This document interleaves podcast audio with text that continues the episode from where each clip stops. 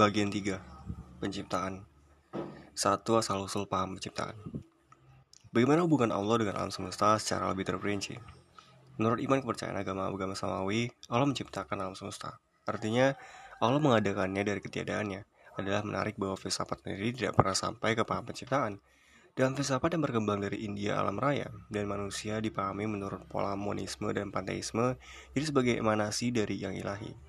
Filsafat Yunani berpendapat bahwa Tuhan membentuk alam raya, biasanya tidak langsung, melainkan melalui seorang demiurgus, makhluk tertinggi di bawah Tuhan yang serahi mewujudkan dunia.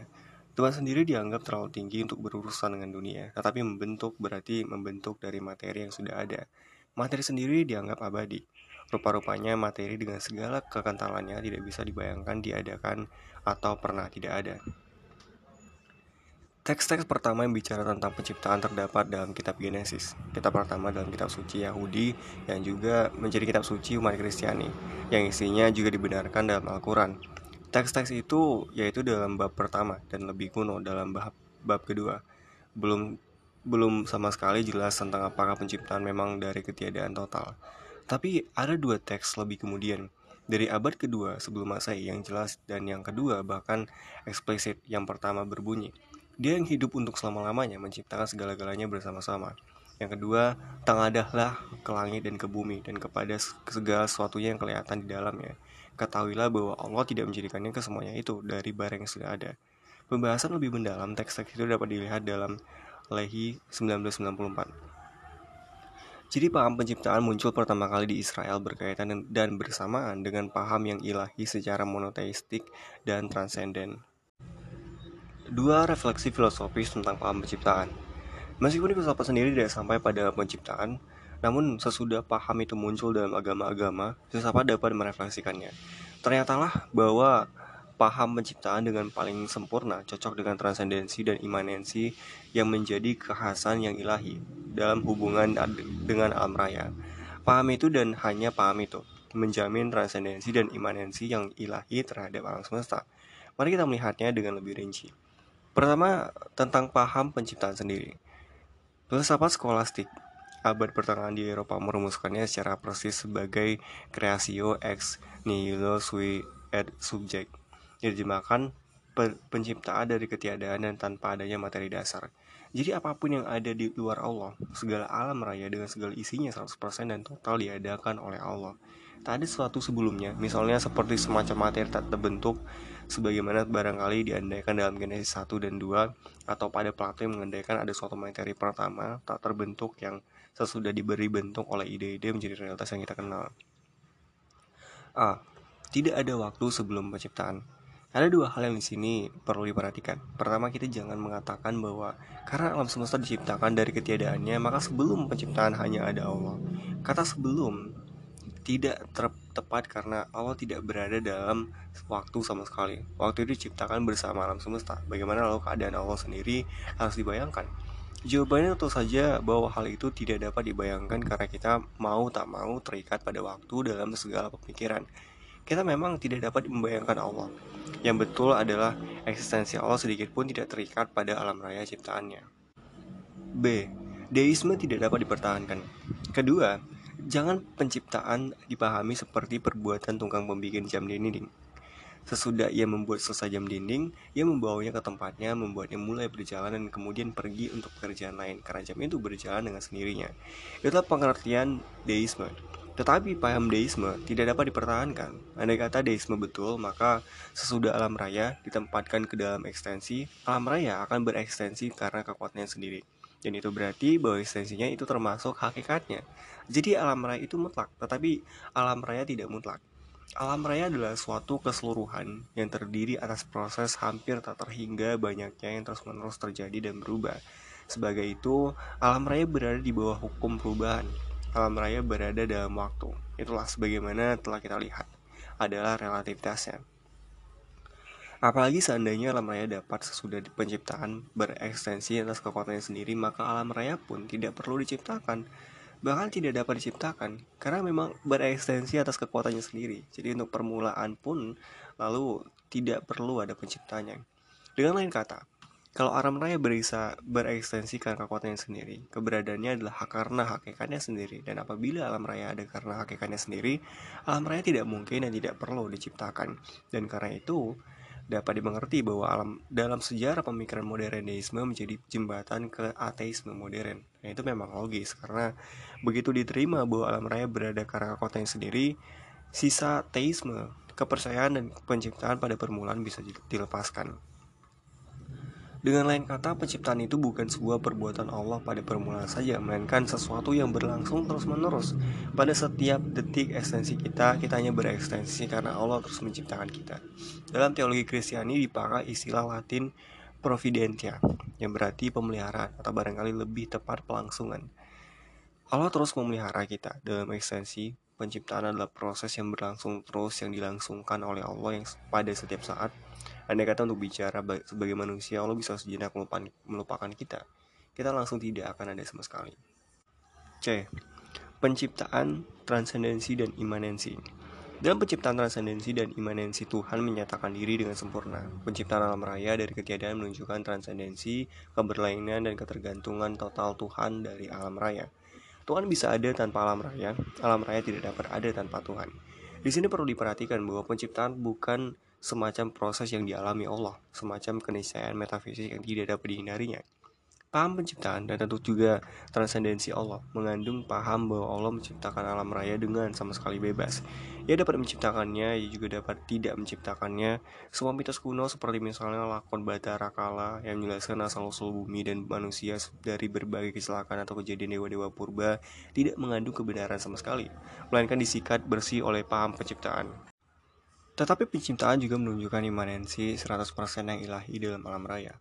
Kalau alam raya seluruhnya ada karena terus dilangsungkan oleh yang mutlak, ya yang ilahi, maka yang ilahi adalah di semua pojok dan di segenap dataran alam raya. Hal itu mempunyai implikasi penting. Makin tinggi derajat kemengadaan suatu pengada, makin pengada itu memang memiliki kegiatannya sendiri, tapi makin pengada itu juga didukung oleh yang ilahi. Di sini ada perbedaan antara Allah dan dalang dalam wayang. Wayang dalam pertunjukan seluruhnya digerakkan oleh dalang. Yang bicara adalah dalang. Wayang-wayang itu tidak mempunyai kegiatan dan hidup pada diri sendiri sama sekali. Tetapi hubungan Allah terhadap penciptaan bukan berarti bukan seperti dalang dengan wayang. Berbeda dengan dalang, Allah menciptakan. Ia memberi hayat, kegiatan, roh, maka makin tinggi derajat makhluk, makin dia memiliki kegiatan yang harus dipertanggungjawabkan sendiri karena ia sendirilah yang menentukannya. Dalam penciptaan berarti bahwa ia justru diberdayakan oleh sang pencipta oleh itu. Andai kata Allah tidak bisa memberikan kegiatan, penciptaannya tidak sungguhan. Jadi wayang-wayang ciptaan Allah betul-betul mempunyai kegiatan fisiko, kimia, dan lain sebagainya. Apabila bersifat benda, tak bernyawa. Kegiatan vegetatif apabila makhluk berhayat, pengarahan diri, Misalnya dengan mengikuti insting. Apabila makhluk memiliki kesadaran dan penentuan bebas terhadap apa yang mau dilakukan apabila menciptakan adalah makhluk berroh dan manusia makhluk berroh, betul-betul bertanggung jawab atas tindakannya. Tetapi justru karena itu imanensi yang ilahi dalamnya lebih intensif. Mengapa? Karena seluruh kegiatan bernalar dan bebas manusia diciptakan terus-menerus oleh Allah. Makin kaya ekstensi makhluk, makin makhluk betul-betul bertindak sendiri. Tetapi makin ia juga intimior intimo meo ia adalah yang paling mendalam yang ada di batinku Agustinus jadi makin makhluk bersatu dengan Allah dan didukung olehnya. Lain lagi situasi dalam sirkus. Di situ singa dan beruang betul-betul mempunyai kegiatan dan sang pawang harus sangat waspada dan peka terhadap reaksi dan insting mereka supaya mereka mau melakukan apa yang dilatihkannya dan tidak sampai mendadak menyerangnya. Pawang melatih mereka, artinya dengan memanfaatkan reaksi-reaksi instingtual binatang buas itu yang bisa diketahui. Ia tahu bagaimana mereka akan bereaksi atau berbagai rangsangan dan bisa dibuat melakukan apa yang dikehendaki pawang. Tetapi pawang terus harus hati-hati, karena ia tidak pernah menguasai beruang dan singa sepenuhnya. Jadi, ia harus menunggu apa yang akan mereka lakukan dan kalau tidak hati-hati, ia bisa mati. Namun hubungan Allah dan makhluk sangat berbeda. Di satu pihak Allah tidak melatih makhluk, di lain pihak Allah tidak perlu was-was pada atau menunggu apa yang dilakukan manusia dan makhluk tidak bersaing. Allah memberikan kepada makhluk perbuatannya sendiri sehingga perbuatannya memang perbuatan makhluk itu.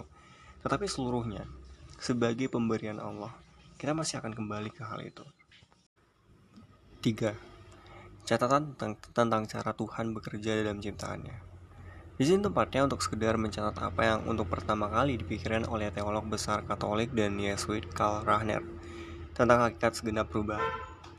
Rahner bertolak dari kenyataan bahwa setiap perubahan mengandaikan suatu tambahan realitas, jadi selalu terjadi sesuatu yang sungguh-sungguh baru. Namun karena setiap pengada, sejauh memang berada, mempunyai kegiatan yang betul-betul merupakan kegiatan yang sendiri dan bukan kegiatan milik seorang dalang di belakangnya. Kita manusia tahu bahwa kita sendiri lain bergian, maka setiap pengada dalam kegiatannya melampaui diri dan menjadi lebih. Jadi dalam setiap perubahan terciptakan sesuatu yang baru, tetapi karena perubahan termasuk hakikat makhluk, maka keberadaan makhluk itu yang selalu berupa perubahan mengandaikannya bahwa ia terus-menerus menciptakan realitas baru. Namun sebagai makhluk dan pengada yang tidak mutlak, penciptaan realitas baru dalam perubahan hanya mungkin karena makhluk dari dalam ditunjang dan diberdayakan oleh yang ilahi. Sama seperti yang ilahi terus-menerus menunjang dan mendukung segenap eksistensi makhluk. Begitu ia mendukung bahwa makhluk melahirkan realitas baru dalam proses perubahannya, dengan lain kata, karena perubahan berarti bahwa makhluk itu mendapat realitas baru. Maka esensi makhluk berarti bahwa ia dengan sendirinya dalam proses perubahannya selalu sudah melampaui diri. Dan itu berarti bahwa dari sebuah sesuatu yang lebih rendah dapat terjadi sesuatu yang lebih tinggi. Pertimbangan ini dapat kita terapkan pada evolusi. Dalam proses evolusi, dari organisme-organisme lebih rendah, kelama-kelamaan berkembang organisme-organisme lebih tinggi. Mengikuti, Karl Rahner, kita dapat mengatakan bahwa perkembangan ke tahap keberadaan lebih tinggi adalah karena kekuatan organisme itu sendiri. Karena perkembangan itu suatu perubahan, dan perubahan memang berarti melampaui diri. Tetapi sekaligus proses itu hanya mungkin karena seluruhnya dari dalam ditunjang oleh yang ilahi, atau karena organisme itu diberdayakan dari dalam oleh Tuhan. Maka evolusi di satu pihak adalah seluruhnya tindakan makhluk yang berevolusi, tapi di lain pihak tindakan itu dari dalam ditunjang dan diberdayakan oleh kekuatan sang pencipta. Oleh karena itu, makhluk di dalam raya selalu juga dapat menghasilkan sesuatu yang melampaui hukum alam sendiri. Hukum alam, dilihat begitu, justru tidak pernah tertutup, melainkan selalu terbuka. Hanya di benda material, benda yang tak bernyawa, karena tingkat pengadaannya paling rendah, keterbukaan hukum alam itu belum kelihatan. Karena itu penelitian ilmu alam tidak akan menemukan Tuhan dalam evolusi, akan tapi probabilitas yang amat rendah yang melekat pada fakta evolusi menunjukkan imanensi pengarah ilahi dalam proses evolusi. Empat beberapa pertimbangan tambahan. Pertama, mengapa Allah menciptakan kita? Tentu hal itu oleh filsafat sendiri tidak dapat dijawab dengan pasti. Agama ada dalam posisi jauh lebih baik karena agama mendengar ulasan Allah sendiri namun sekurang-kurangnya hal ini dapat dikatakan Allah tidak menciptakan alam raya dan manusia karena terpaksa atau sebagai tahap dalam sebuah proses pertumbuhan yang dialaminya. Kita sudah menolak paham semacam itu. Allah sama sekali bebas. Jawaban yang menawarkan diri sebagai refleksi adalah bahwa Allah menciptakan alam raya dan manusia di dalamnya sebagai anugerah tanpa dasar. Eksistensi kita merupakan anugerah Allah. Kedua, andai kata di alam raya tidak ada manusia atau makhluk berakal budi lain, apakah Allah akan menciptakannya? Tentu yang dapat menjawab hanyalah Allah. Akan tetapi, setiap anugerah dengan sendirinya mengharapkan jawaban dalam bentuk bahwa anugerah itu diakui sebagai terima kasih dan lain sebagainya. Namun, hanya makhluk rohani yang mampu untuk mengakui dan mensyukuri, tapi juga untuk menolak anugerah Allah itu. Sapi di rumputan, pohon beringin di dekat sumber air, dan bakteri di udara tidak mampu menangkap unsur anugerah itu, apalagi untuk mengakuinya. Kalau Allah menciptakan bumi yang menghasilkan macam-macam organisme namun yang tidak dapat diajak bicara, seakan-akan untuk main-main saja, rasanya tidak menawarkan nilai apa pun. Kalau pertimbangan itu betul, maka kesimpulannya bahwa alam raya diciptakan untuk manusia dan makhluk berakal budi lain kalau ada. Ketiga, paham penciptaan tidak dapat disesuaikan dengan paham mitos dan Nietzsche bahwa sejarah adalah lingkaran di mana segala apa akan terulang kembali, bahwa sejarah adalah kembalinya segala-gala secara kekal. Paham itu menghilangkan arti hidup individual seorang, tetapi Allah justru menciptakan setiap orang secara personal demi dirinya sendiri. Paham penciptaan mengakibatkan sebuah deskralisasi di alam raya. Alam raya sendiri, meskipun Allah imanen di dalamnya, sedikit pun tidak bersifat ilahi atau adi kodrati. Alam raya adalah alam raya yang kita alami. Tak ada dimensi gaib di belakangnya, begitu pula paham reinkarnasi atau kelahiran kembali tidak dapat disesuaikan dengan paham ciptaan. Karena paham reinkarnasi menghilangkan makna kehidupan individual, karena individu terus-menerus lahir kembali, itu pun tanpa ingatan sedikit pun.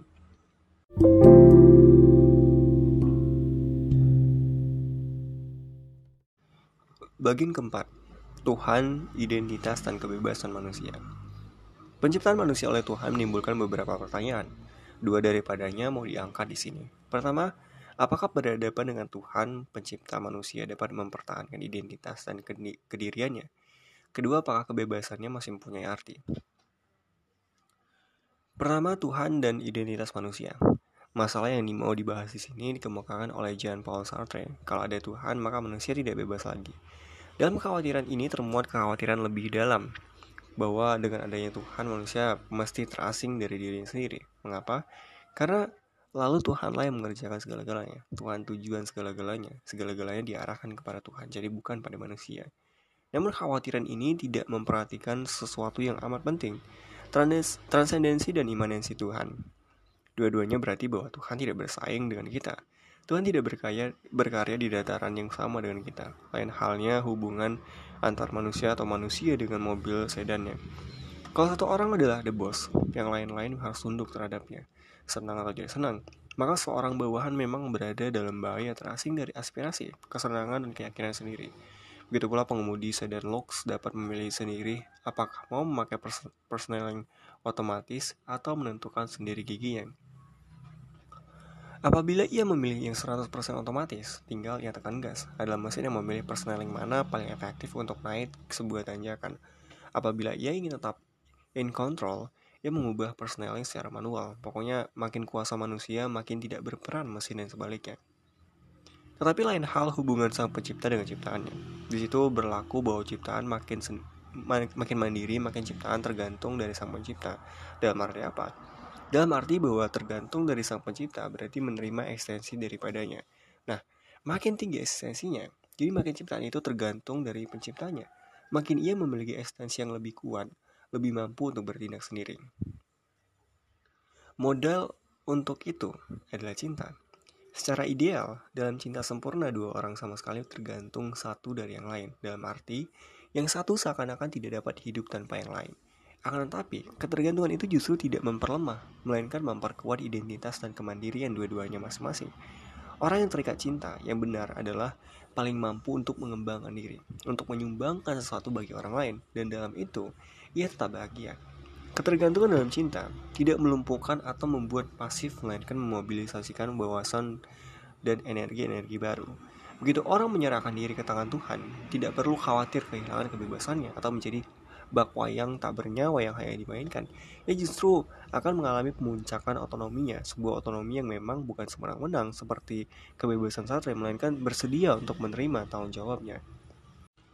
2. Kebebasan manusia di hadapan Tuhan Yang Maha Kuasa Pertama, pertimbangan itu tadi juga dapat membantu untuk mencoba memahami salah satu masalah paling sulit dalam filsafat ketuhanan dan juga dalam teologi, yaitu masalah kemahakuasaan Tuhan dan kebebasan kehendak manusia. Kalau betul bahwa makin ciptaan mandiri, makin ciptaan juga tergantung dari sang pencipta dan sebaliknya.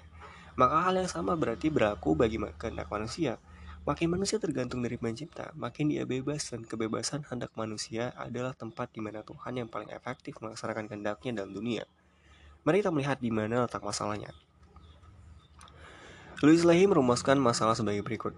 Jika Allah mengetahui segala sesuatu, maka ia mengetahui apa yang akan datang, ia tahu apa yang akan saya lakukan besok pagi. Lalu bagaimanakah dapat dikatakan bahwa saya benar-benar bebas? Lehi mengutip dari Grisas. The following seem to me to be the most important essential objection to God. First, if God exists, how can man be free? Second, how can one make sense of the evil in the world if there is a good, wise, and omnipotent God? Masalah kejahatan akan dibahas dalam bagian berikut. Namun masalah sekitar kehendak bebas pun mempunyai implikasi banyak. Misalnya kalau manusia tidak bebas, bagaimana ia dapat bertanggung jawab atas dosa-dosanya? Bahkan bagaimana ia dapat berdosa? Kalau ia tidak bertanggung jawab atas dosa-dosanya, apakah adil kalau ada orang karena dosa-dosanya masuk neraka? Para teolog dan filsuf yang terperangkap dalam masalah ini memberikan berbagai jawaban. Agustinus mengajar bahwa sebelum manusia dapat berbuat sesuatu apa pun, Allah sudah menentukan siapa yang masuk surga dan siapa yang masuk neraka. Tetapi ia sekaligus mempertahankan bahwa kehendak manusia bebas. Calvin mengambil alih anggapan tentang predestinasi itu, sedangkan gereja Katolik menolaknya dengan keras. Menurut gereja Katolik, Allah tidak menghukum siapa pun dengan neraka yang tidak pantas dihukum. Meskipun begitu, dalam abad ke-16 dan ke-17 ada dua kubu teolog dalam gereja teolog Katolik yang berselisih keras. Kaum Thomis dengan dipimpin oleh Domingo Banes, seorang anggota tarekat Dominikon Spanyol, menegaskan pengaruh Allah atas pilihan manusia dan sebagai implikasi, kelihatan tidak dapat mempertahankan kehendak bebas manusia. Mereka dilawan oleh kaum Molinis, karena tokoh mereka Luis de Molina, seorang anggota tarekat Yesus Spanyol, Yesuit Spanyol, yang menegaskan kebebasan manusia. Molisme oleh lawan-lawannya dituduh tidak dapat mempertahankan kemahakuasaan Allah. Paulus akhirnya menyuruh kedua belah pihak untuk diam karena masalahnya kelihatan tidak dipercayakan. 900 tahun, 900 tahun sebelumnya, masalah hendak bebas berhadapan dengan penentuan ilahi diperdebatkan dengan tajam oleh kaum Mu'tazilah. Kaum Qadariyah mempertahankan kebebasan kehendak manusia melawan kaum Jabariyah. Masalah itu tidak dapat dipecahkan karena kedua belah pihak bertolak dari pengandaian yang sama yang kalau pernah diterima memang tidak memungkinkan jalan keluar lagi. Mereka bertolak dari anggapan bahwa kekuatan Allah dan kebebasan manusia dapat diperbandingkan. Pendekatan mereka adalah menurut model win-lose. Artinya sejauh suatu keputusan ditentukan oleh manusia, ia dianggap tidak ditentukan oleh Allah. Dan sejauh Allah lah yang menentukan keputusan manusia, manusia tidak dapat menentukannya. Apabila 70% dari keputusan itu ditentukan oleh Allah, 30% ditentukan oleh manusia dan sebaliknya. Pokoknya, makin bebas manusia dalam penentuan diri, makin Allah tinggal menerima keputusannya. Dan sebaliknya, makin efektif penentuan Allah, makin tak tinggal peran untuk kebebasan manusia. Kemahakuasaan Allah dianggap tidak memberikan ruangan pada kebebasan manusia. Kedua, tetapi apakah pengandaian itu betul? Lain menegaskan sesuatu yang dalam berbagai masalah di mana pemikiran manusia kelihatan macet selalu harus menjadi titik tolak. Kenyataan. Kenyataan adalah apa yang kita ketahui yang kita alami. Dan yang kita alami dan kita ketahui adalah bahwa kita bebas. Kita mengalami diri bebas memutuskan apa yang mau kita lakukan, bebas mengambil sikap terhadap berbagai rangsangan dan tantangan. Saya misalnya, menyadari diri bebas tak terbantah dalam mengetik huruf-huruf ini. Tidak masuk akal untuk menyangkal berdasarkan sebuah kesulitan teoritis atau logis, apa yang jelas saya alami. Kalau teori, kita tidak dapat menampung sebuah kenyataan, maka bukannya kenyataan yang harus disangkal, misalnya dikatakan bukan hanya saya yang menentukan apa yang sedang saya ketik di sini, melainkan teori atau seluruh kerangka teoritis harus direkonstruksi. Ketiga, dalam hal masalah kemahakuasaan Allah dan kebebasan manusia, kerangka pikiran yang harus dibongkar adalah pengandaian bahwa Allah dan manusia bersaing di dataran yang sama. Akan tapi sang pencipta tak pernah di dataran yang sama dengan ciptaannya. Seakan-akan mereka bersaing seperti dua regu tarik tambang antara dua makhluk yang terbatas dan tidak mutlak memang terjadi persaingan. Apa yang saya kerjakan tidak mungkin dikerjakan oleh orang lain dan sebaliknya. Tetapi lain halnya Allah dan manusia. Manusia memang nyata-nyata ada. Ya, dan dunia bukan maya, bukan ilusi. Itu pun pengalaman langsung tak terbantah. Sebagai pengada, ia tidak bisa tidak mempunyai kegiatan, akan tapi seluruh ekstensinya dan apa pun yang dilakukannya seluruh tertunjang oleh pengada yang mutlak, oleh yang ilahi. Dengan kata lain, Tuhan memberdayakan ciptaannya, ia bukan memberdayakannya. Menciptakan berarti memberi daya, dan karena itu ketergantungan ciptaan dan pencipta tidak bisa sama sekali dipahami seperti ketergantungan wayang dari dalang.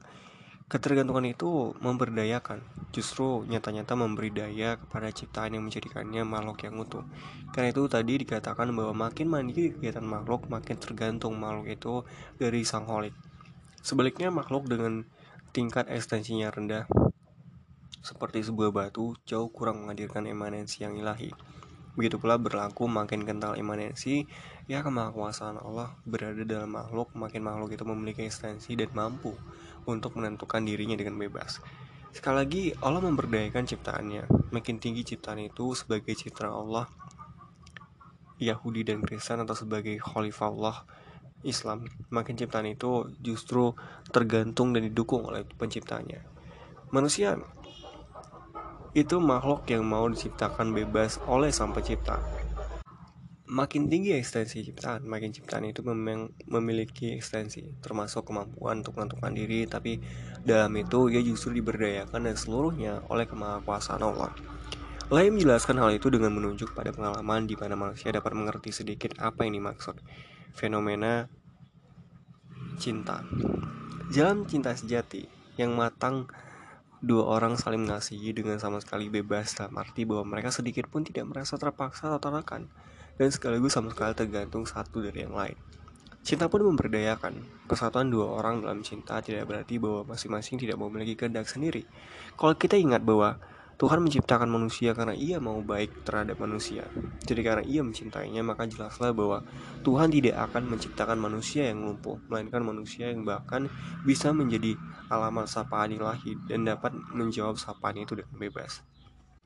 Keempat, namun sebagaimana dicatat baik oleh Westmer maupun Lehi, kita akan harus menerima bahwa bentuk kerjasama antara penciptaan dan ciptaan antara kemahakuasaan Allah dan kebebasan manusia tidak pernah dapat kita jelaskan secara analitis.